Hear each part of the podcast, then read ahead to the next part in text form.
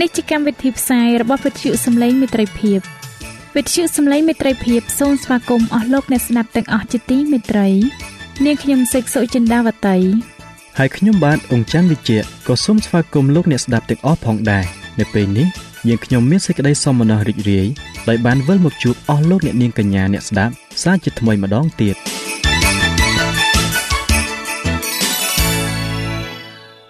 ចា៎លោកអ្នកស្ដាប់ជាទីមេត្រី នាងខ្ញុំសូមគោរពអញ្ជើញអស់លោកលោកស្រី អ្នកនាងកញ្ញាតាមដានស្ដាប់កម្មវិធីផ្សាយរបស់វិទ្យុយើងខ្ញុំដូចតទៅ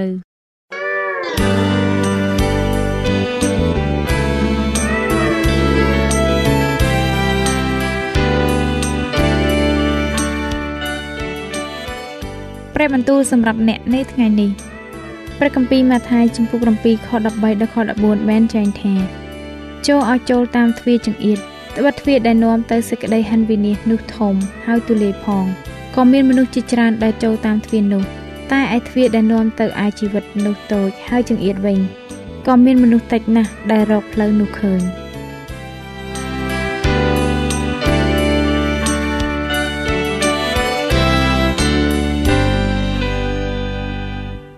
ជាថ្មីម្ដងទៀតខ្ញុំបាទសូមគោរពនិងជម្រាបសួរដល់អស់លោកអ្នកទាំងអស់គ្នាជាទីមេត្រី សូមស្វាគមន៍មកកាន់មេរៀនសបាស្គូលប្រចាំសប្ដាហ៍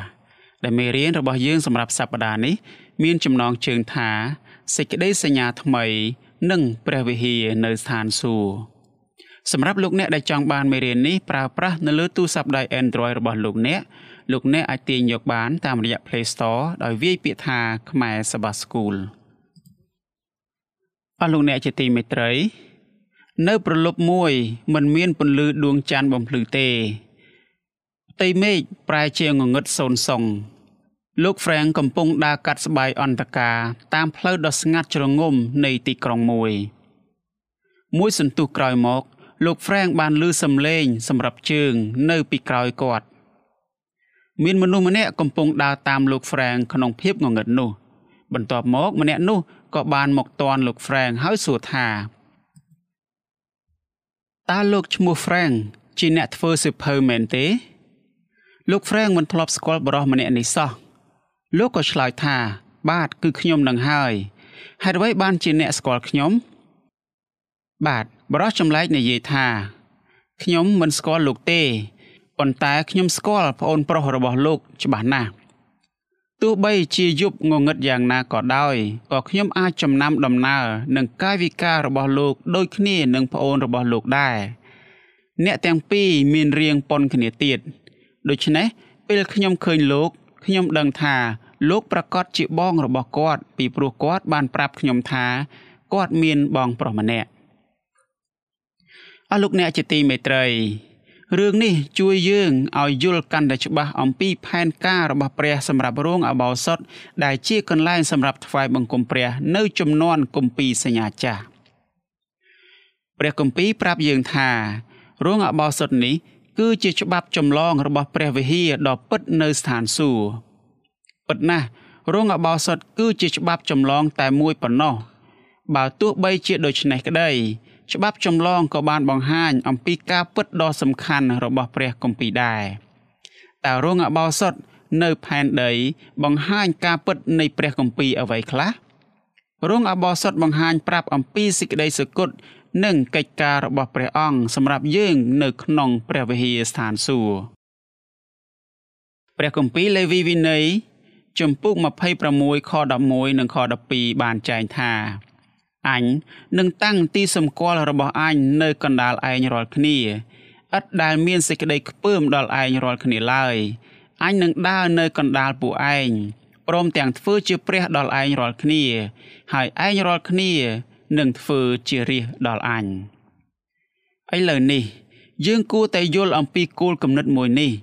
នៅក្នុងសេចក្តីសញ្ញាទាំងពីរព្រះអម្ចាស់ ចង់បានមិត្តភាពជិតស្និទ្ធប្រកបដោយក្តីស្រឡាញ់ជាមួយនឹងរាជរបស់ព្រះអង្គ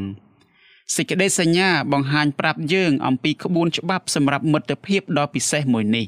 មិត្តភាពគឺជាផ្នែកមួយដ៏សំខាន់នៃសេចក្តីសញ្ញាតើអ្វីខ្លះដែលមិត្តភាពត្រូវមានដើម្បីឲ្យជោគជ័យទៅបាន មិត្តភាពត្រូវការចំណាយពេលវេលាជាមួយគ្នា មិត្តភាពក៏ត្រូវការការតាក់ទងគ្នាដែរ មិត្តភាពត្រូវការការផ្សារភ្ជាប់និងទំនាក់ទំនងគ្នាជាប់ជានិច្ចជាការពិតណាស់ព្រះអម្ចាស់ទ្រង់ជ្រាបអំពីការទាំងនេះហេតុនេះហើយបានជាទ្រង់ណែនាំឲ្យមានមិត្តភាពជាមួយនឹងទ្រង់ទ្រង់សពព្រះハរតីឲ្យប្រកាសថា ក្នុងនាមយើងជាបាបជន អាចតាក់ទងជាមួយនឹងទ្រង់តាមរបៀបដែលយើងអាចយល់បាន នៅក្នុងព្រះគម្ពីរនិខាម៉ានាំងចំពុក25ខ8ព្រះអម្ចាស់ទ្រង់បង្គាប់រាជរបស់ព្រះអង្គឲ្យសង់រោងអបោសុតថ្វាយព្រះអង្គហេតុអ្វីបានជាព្រះអម្ចាស់សពប្រតិយឲ្យរាជរបស់ព្រះអង្គធ្វើរឿងនេះតើមានហេតុផលអ្វីខ្លះបានជាព្រះអង្គប្រទានដល់រាជរបស់ព្រះអង្គនៅរោងអបោសុតនេះទៅវិញសម្រាប់ចម្លើយគឺថា ព្រះអម្ចាស់ទ្រង់សពព្រះតី ចង់គង់នៅជាមួយនឹងរាជរបស់ព្រះអង្គចម្លើយនេះនាំឲ្យយើងមានសំណួរមួយផ្សេងទៀតដែលសួរថាហេតុអ្វីទៅ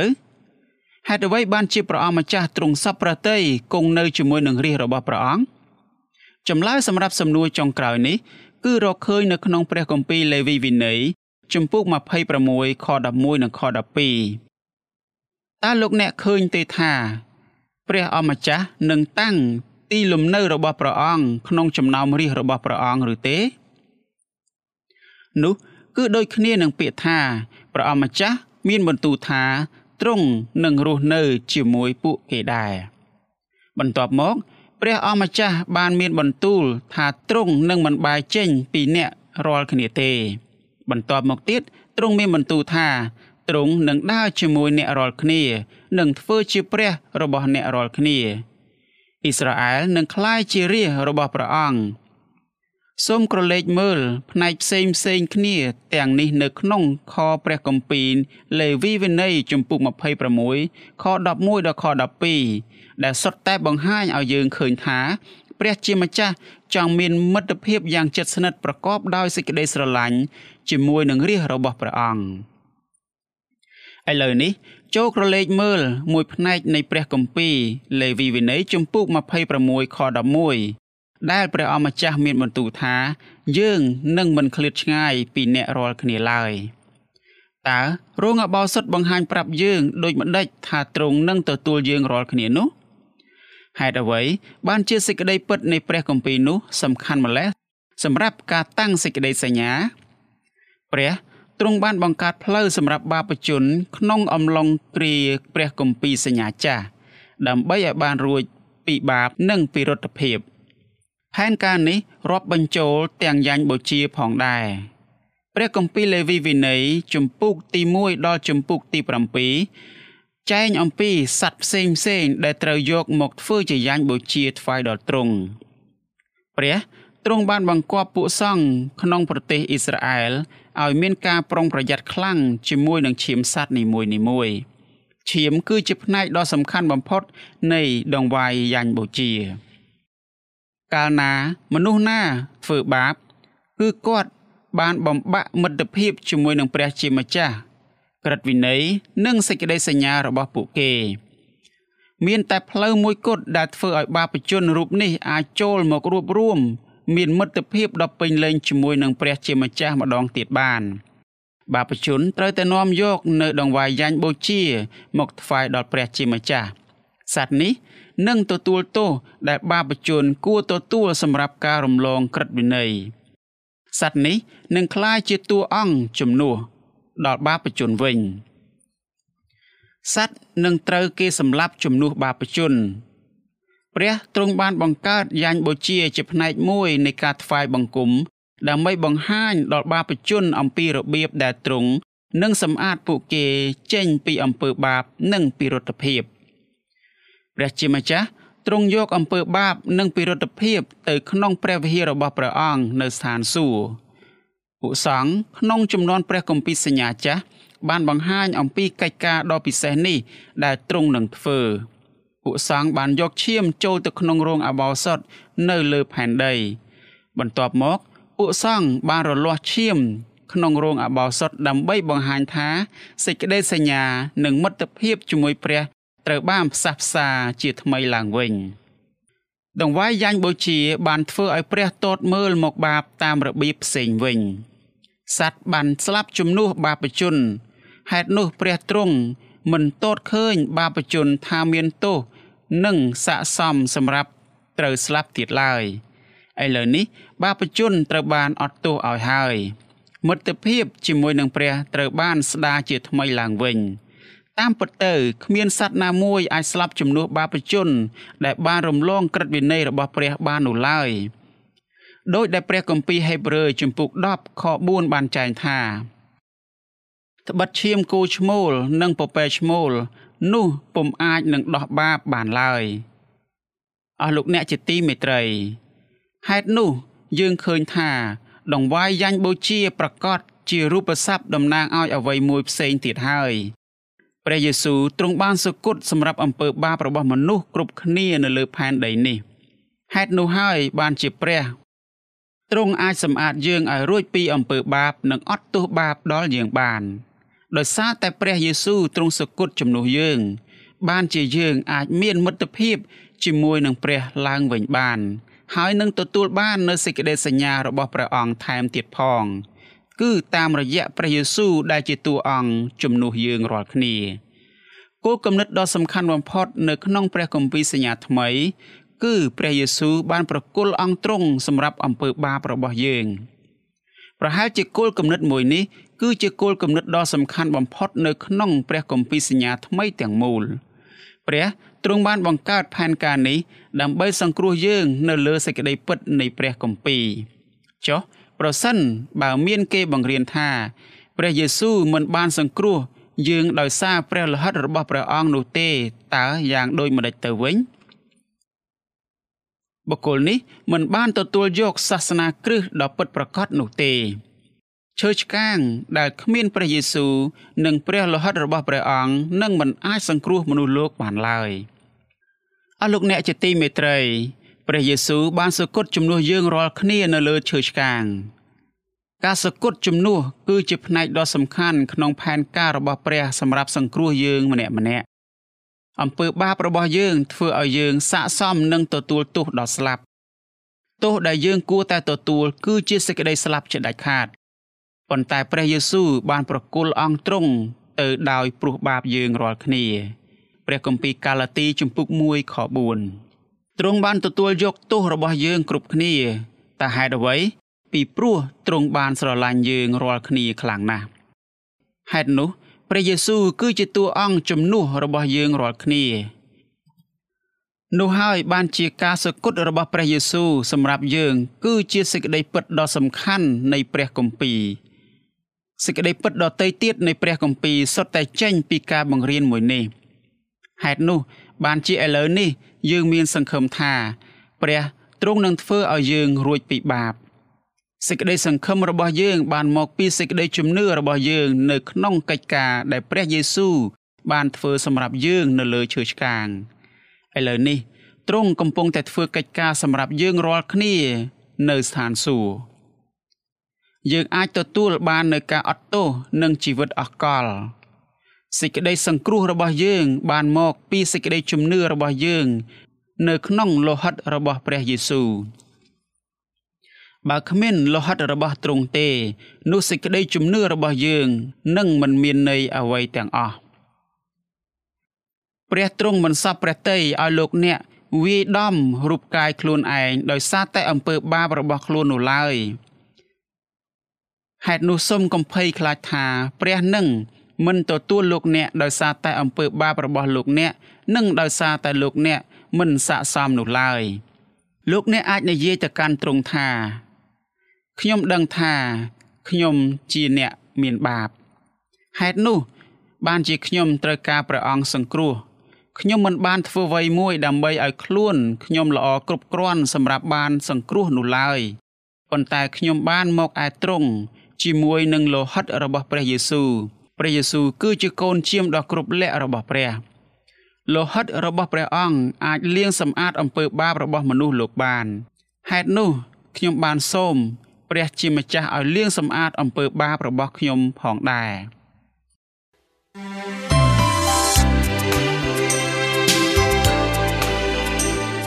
សេចក្តីជំនឿកើតឡើងដោយលឺហើយដែលលឺនោះគឺដោយសារព្រះបន្ទូលនៃព្រះ តាមរយៈវិទ្យុសំឡេងមិត្តភាព AWR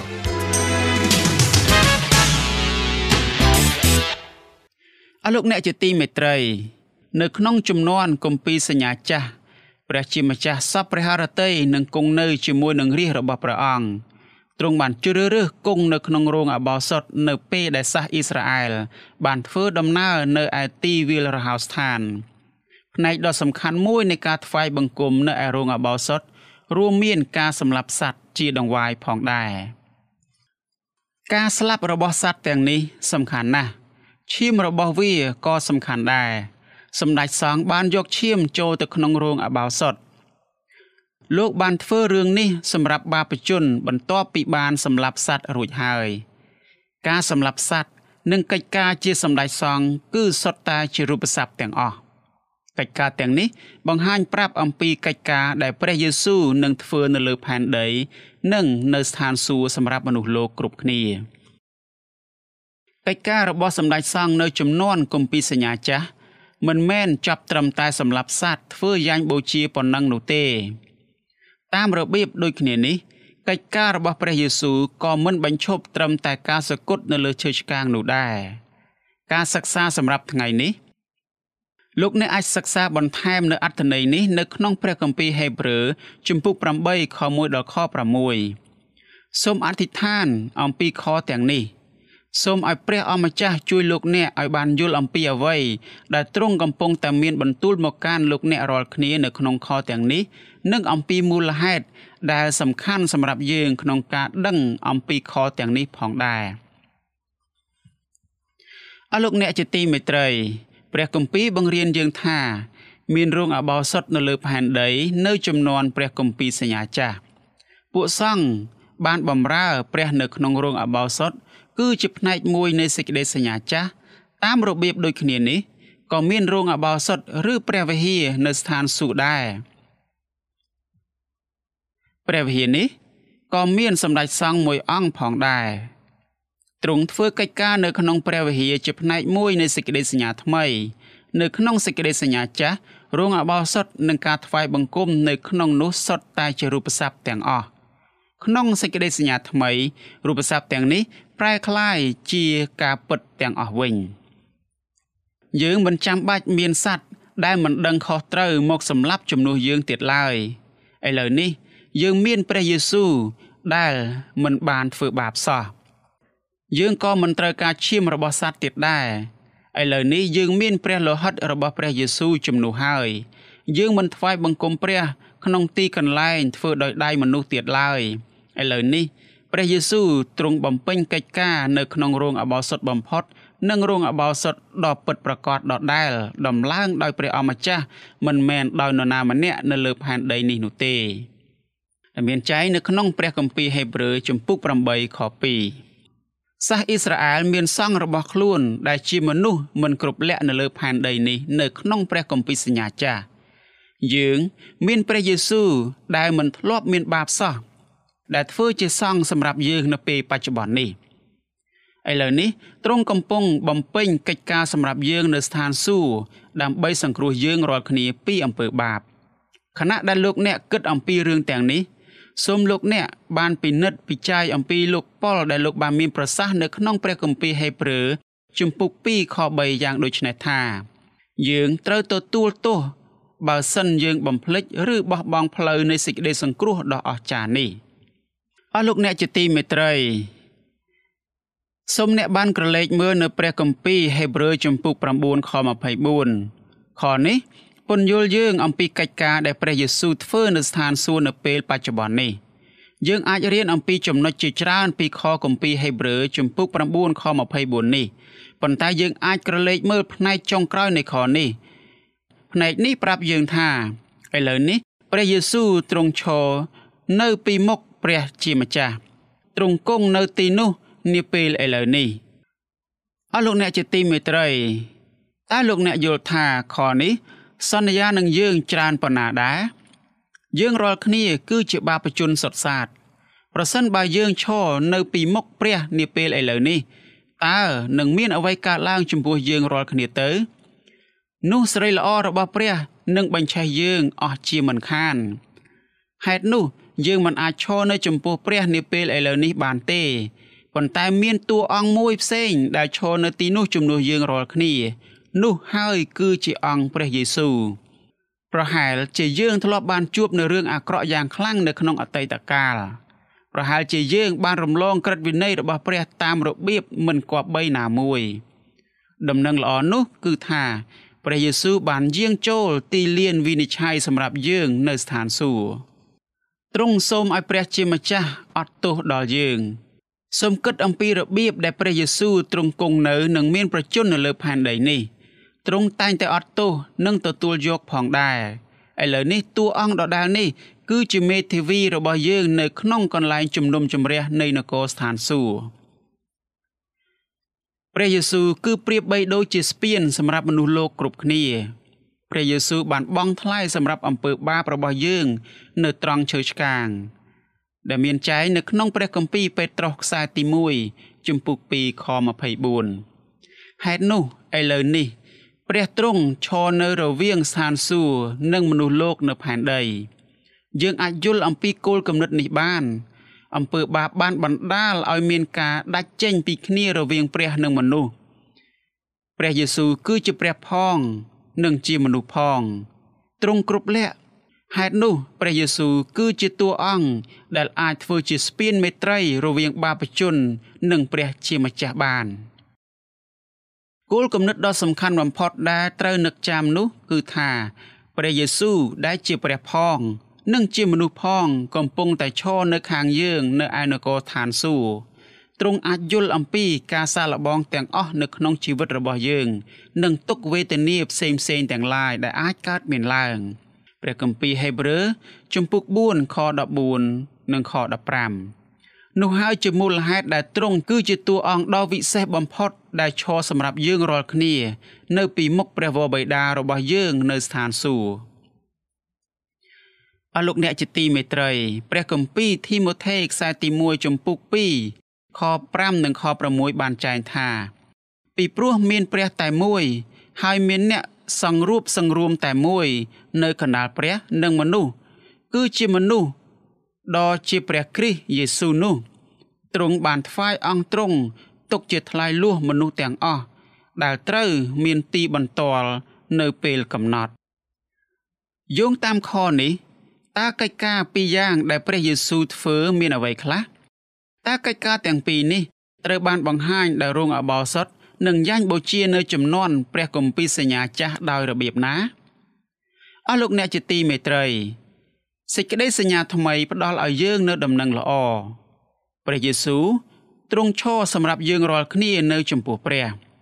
ព្រះយេស៊ូវបានសូមអង្វរឲ្យព្រះអត់ទោសដល់យើង និងប្រទានអំណាចដល់យើងឲ្យឈ្នះលើអំពើបាបតើយើងមានសង្ឃឹមលើអ្វីបើគ្មានសេចក្តីសង្ឃឹមមួយនេះពីព្រះយេស៊ូវនោះអស់លោកអ្នកជាទីមេត្រី ទេវតាដ៏មានអំណាចបំផុតនៅស្ថានសួគ៌មិនអាចបង់ថ្លៃសម្រាប់ សង្គ្រោះបាបជនម្នាក់ណាបានឡើយ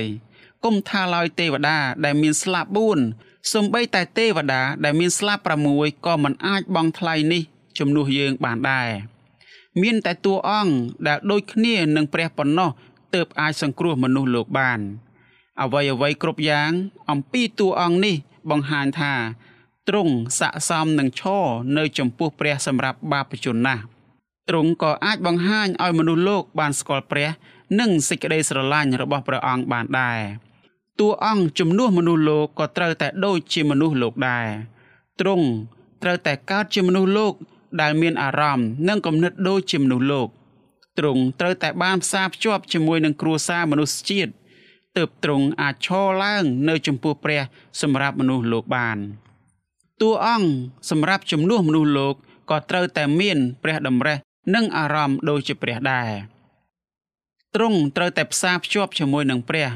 ទើបទ្រង់អាចបង្ហាញមនុស្សលោកឲ្យស្គាល់ព្រះព្រមទាំងឈររវាងព្រះនិងមនុស្សលោកបានផង។អស់លោកអ្នកជាទីមេត្រីព្រះយេស៊ូវបានមានព្រះបន្ទូលថា កាលណាអ្នករាល់គ្នាប្រាប់គេអំពីខ្ញុំខ្ញុំក៏នឹងទូលអ្នកប្រាប់ទៅព្រះ និងទេវតាដ៏បរិសុទ្ធអំពីអ្នករាល់គ្នាដែរអ្នករាល់គ្នា គឺជាស្មោះបន្ទាល់របស់ខ្ញុំនៅលើផែនដីនេះ ខ្ញុំនឹងចាក់ព្រះគុណរបស់ខ្ញុំទៅលើអ្នករាល់គ្នាព្រះគុណនេះនឹងបង្ហូរពីអ្នករាល់គ្នាទៅកាន់អ្នកដទៃទៀតដើម្បីឲ្យបានជាផងដែរខ្ញុំនឹងឈរនៅចំពោះព្រះសម្រាប់អ្នករាល់គ្នានៅស្ថានសួគ៌ព្រះវរបិតានឹងមិនតតឃើញកំហុសរបស់អ្នករាល់គ្នាដែលបានធ្វើនោះឡើយអត់ទេទ្រង់នឹងតតឃើញអ្នករាល់គ្នាដូចជាទ្រង់តតឃើញខ្ញុំដែរ អ្នករាល់គ្នានឹងបានគ្រប់លក្ខក្នុងព្រះនេត្រទ្រង់ទ្រង់មានព្រះពរជាច្រើនលើសលប់សម្រាប់អ្នករាល់គ្នានៅឯស្ថានសួគ៌ព្រះទ្រង់ប្រទានព្រះពរទាំងនេះដល់ខ្ញុំដើម្បីឲ្យចែកដល់អ្នករាល់គ្នាហេតុនោះសូមប្រាប់អ្នកដទៃទៀតអំពីរបៀបដែលខ្ញុំបានសគត់ដើម្បីសង្គ្រោះពួកគេ នៅលើឈើឆ្កាងផងចុះនោះអ្នករាល់គ្នានឹងក្លាយជាផ្នែកនៃក្រុមមនុស្សដែលនឹងត្រូវបានសង្គ្រោះ មនុស្សទាំងនេះនឹងមានសេរីល្អនិងសេចក្តីអំណរអស់លោកអ្នកជាទីមេត្រីសូមព្រះជាម្ចាស់ទ្រង់បានប្រទាននៅព្រះគុណនិងសេចក្តីសុខសាន្តដល់អស់លោកអ្នកគ្រប់គ្រប់គ្នាមុននឹងខ្ញុំបាទបញ្ចប់នៅមេរៀននេះខ្ញុំបាទសូមលើកយកនៅខមួយទុកជាចំណងដែរដល់អស់លោកអ្នកទាំងអស់គ្នាគឺជាខមួយដកស្រង់ចេញពីព្រះគម្ពីរហេព្រើរជំពូក9ខ15ដែលបានចែងយ៉ាងដូចនេះថា ដោយហេតុនោះបានជាទ្រង់ជាអ្នកកណ្ដាលនៃសញ្ញាថ្មី ដើម្បីឲ្យពួកអ្នកដែលទ្រង់ហៅ បានទទួលសេចក្តីសន្យាទុកជាមរតកដល់នៅអស់កលជានិច្ចសូមអរគុណដល់អស់លោកអ្នកដែលតែងតែចំណាយពេលចូលរួមសិក្សានៅមេរៀនប្រចាំសប្តាហ៍ជាមួយនឹងរូបខ្ញុំបាទសូមឲ្យបងប្អូនបានប្រកបដោយព្រះគុណរបស់ព្រះជាម្ចាស់គ្រប់គ្រប់គ្នាអាមែន